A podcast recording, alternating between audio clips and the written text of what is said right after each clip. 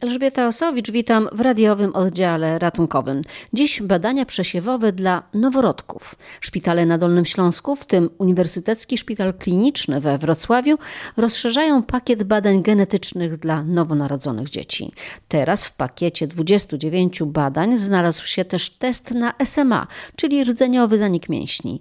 Jak mówi profesor Barbara Króla-Kolejnik, to bardzo ważne, bo wczesne wykrycie choroby, zanim jeszcze pojawią się objawy, ma kolosalny kolosalne znaczenie dla rozwoju niemowląt. W Polsce mamy program przesiewowych badań u noworodków i w tym programie mieliśmy już 29 bardzo rzadkich schorzeń. Niektóre są tak rzadkie, że występują raz na 100 tysięcy i wykrywamy schorzenia, których nie jesteśmy w stanie rozpoznać po urodzeniu, bo noworodek rodzi się zdrowy i my nie mamy podstaw, żeby go diagnozować, ale mamy podstawy, bo jest to test przesiewowy, czyli taki, który ma objąć całą populację. Na czym to badanie polega? Nasze województwo dolnośląskie miało być objęte tym testem przesiewowym dopiero w przyszłym roku. Mieliśmy być objęci dodatkowym, czyli tym właśnie badaniem od lutego czy marca przyszłego roku.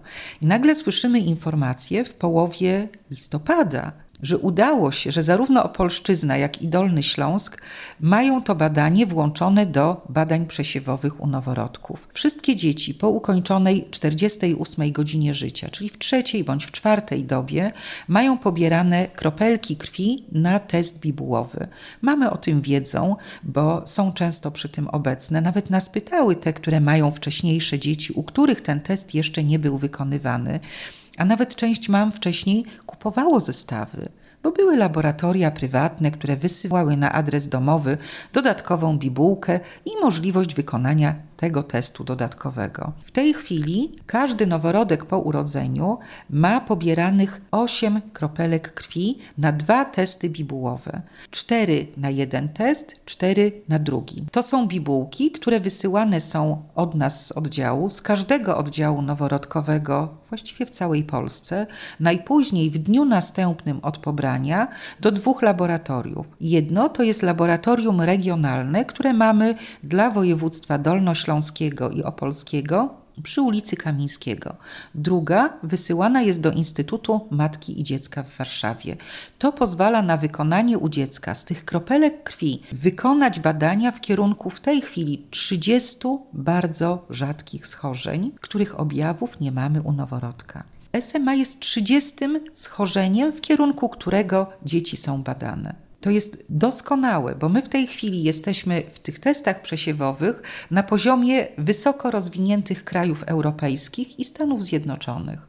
Bo w wielu krajach jest to właśnie około 30 testów, a w naszym kraju dokładnie 30. Już to robicie, tak? Już to robimy.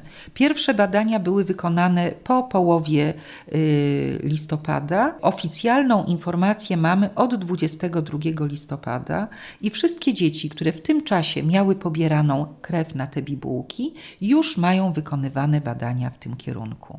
Jak długo trzeba czekać na wynik? W testach przesiewowych jest tak, że rodzic nie dostaje informacji i jeżeli jej nie dostaje, to znaczy, że wszystkie testy wypadły prawidłowo, czyli nie ma prawdopodobieństwa czy nie ma obaw wynikających z wykonania badań w kierunku tych 30 schorzeń. Jeżeli coś jest wątpliwe albo nieprawidłowe, stąd na tym kawałeczku tej bibułki są podane dokładne dane rodziców z adresem zamieszkania i telefonem, bo wtedy laboratorium kontaktuje się natychmiast z rodzicami. Czasami rodzice nie odbierają telefonów, więc wtedy laboratorium kontaktuje się z nami i my poszukujemy czy ściągamy rodziców, żeby powtórzyć badanie. Były już takie sytuacje? Jeżeli chodzi o SMA, jeszcze nie. W naszym szpitalu nie. Natomiast tu jest jeszcze kolejna bardzo ważna informacja, bo od czasu, kiedy jesteśmy w Unii, więc to już jest wiele, wiele lat, wszystkie badania molekularne, czyli inaczej badania genetyczne, wymagają zgody rodziców. Czyli ta bibułka musi być podpisana przez mamę. Jeżeli mama jej nie podpisze, to niestety badanie w kierunku SMA nie będzie mogło być wykonane. Tu w większości mamy się zgadzają, ale niestety też mamy pojedynczych rodziców, którzy tak jak nie chcą szczepić, tak jak nie chcą, żebyśmy badali dzieci, bo są tacy, tylko proszę mi nie dotykać dziecka, Są tacy, którzy nie chcą, żeby podać witaminę K. To pojedyncze, naprawdę pojedyncze osoby są, które nie chcą, żeby wykonać test w badaniach przesiewowych, które może ochronić nie zdrowie, życie ich dziecka. Bo te schorzenia, jeżeli wystąpią i wystąpią ich objawy, to niestety jest za późno czasami, żeby uzyskać w pełni zdrowie dziecka. W przypadku SMA objawy występują około półrocznych, no w 70% występują u niemowląt, czyli między 6 a 12 miesiącem życia. I to najczęściej jest taka postać choroby, że ona wymaga leczenia objawowego. I te dzieci, jeżeli mają tą wczesną postać SMA, to była najczęstsza przyczyna zgonów do drugiego roku życia, bo leczenie objawowe nie leczyło choroby. A w momencie, kiedy wie się o tym wcześniej, od razu u noworodka, jak wtedy wygląda leczenie? W tej chwili jest program lekowy i do tego programu kwalifikują neurolodzy dziecięcy. Ale my mieliśmy w szpitalu jedną sytuację, to już chyba półtora, dwa lata temu, gdzie rodzice stracili pierwsze dziecko z powodu SMA. Natomiast w czasie drugiej ciąży wykonali badania genetyczne prenatalne i oni w ciąży uzyskali informację, że to drugie dziecko również ma rdzeniowy zanik mięśni. I zostało prenatalnie to dziecko zakwalifikowane do programu lekowego, i udało nam się, że ten mały człowieczek urodził się u nas. Neurolodzy nasi, w porozumieniu z neurologami dziecięcymi ze szpitala na Fildorfa, włączyli tego pacjenta do programu lekowego i lek został podany dwie pierwsze dawki w naszym oddziale. Zaraz po urodzeniu, w ciągu pierwszej doby, pierwsza dawka została podana. I jakie to daje rokowania? Im wcześniej lek zostanie podany, to on pozwala na prawidłowy rozwój dzieci, bo on blokuje zaburzenia, które są wywołane genetycznie, spowodowane brakiem produkcji białka odpowiedzialnego za przewodnictwo nerwowe. No stąd to leczenie tak wcześnie. Choroba się nie rozwija, nie uszkadza, pozwala się normalnie dziecku rozwijać. Tak, tak, bo zasadniczo ta choroba polega na tym, że pacjent najpierw ma troszkę wiotkie mięśnie, ale tylko trochę. Natomiast choroba postępuje. I zwłaszcza dla dzieci, to co postępuje, to niewydolność nie tylko mięśni kończyn, klatki piersiowej, niewydolność przepony, która powoduje, że dzieci nie oddychają. Potem słyszymy też te historie zbiórki milionów bo to 9, 10, 12 milionów złotych na leczenie za oceanem, bo w Polsce nie jest e, dostępne. To są te dzieci, które nie zostały wcześniej rozpoznane, tak? I to są te dzieci, które kwalifikowane są do terapii genowej. W Polsce ta terapia nie została jeszcze e, objęta finansowaniem, bo ono to leczenie dotyczy tych pacjentów, u których rozpoznanie zostało postawione zbyt późno. Czy ten program przesiewowy jest e, już w całym kraju realizowany? Wszystkie dzieci w Polsce już są tym objęte? Jeszcze nie, dlatego że systematycznie właściwie od północnej części kolejno województwa były tym programem obejmowane.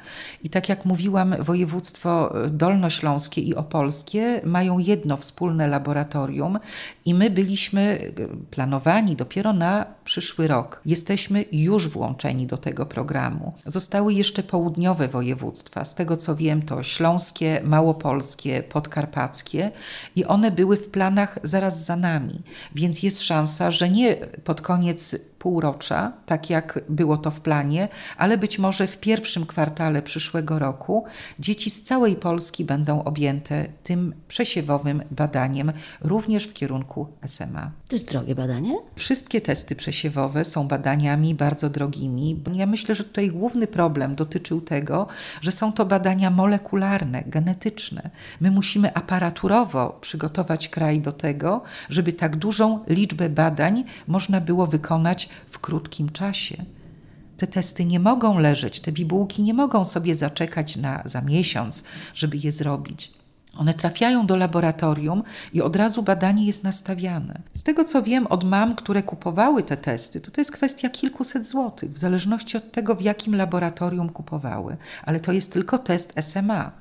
My wykonujemy 30 badań w kierunku rzadkich schorzeń i jednym z tych 30 badań jest badanie w kierunku SMA. Pani profesor, jesteśmy u szczytu czwartej fali, to jeszcze nie mogę nie zapytać o to, bo słyszymy, że coraz więcej dzieci też choruje na COVID, czy i słyszymy też o noworodkach. Czy macie też takie przypadki? W tej chwili mamy tylko pacjentki ciężarne, które przychodzą do porodu i są COVID dodatnie.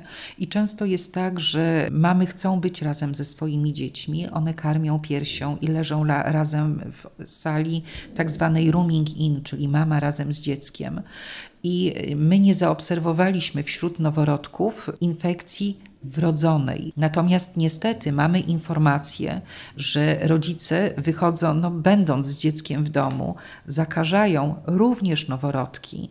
I mamy informację, że w Polsce najmniejsze dziecko, które zostało naj, najmłodsze, było kilkudniowe, które zostało zakażone przez swoich rodziców.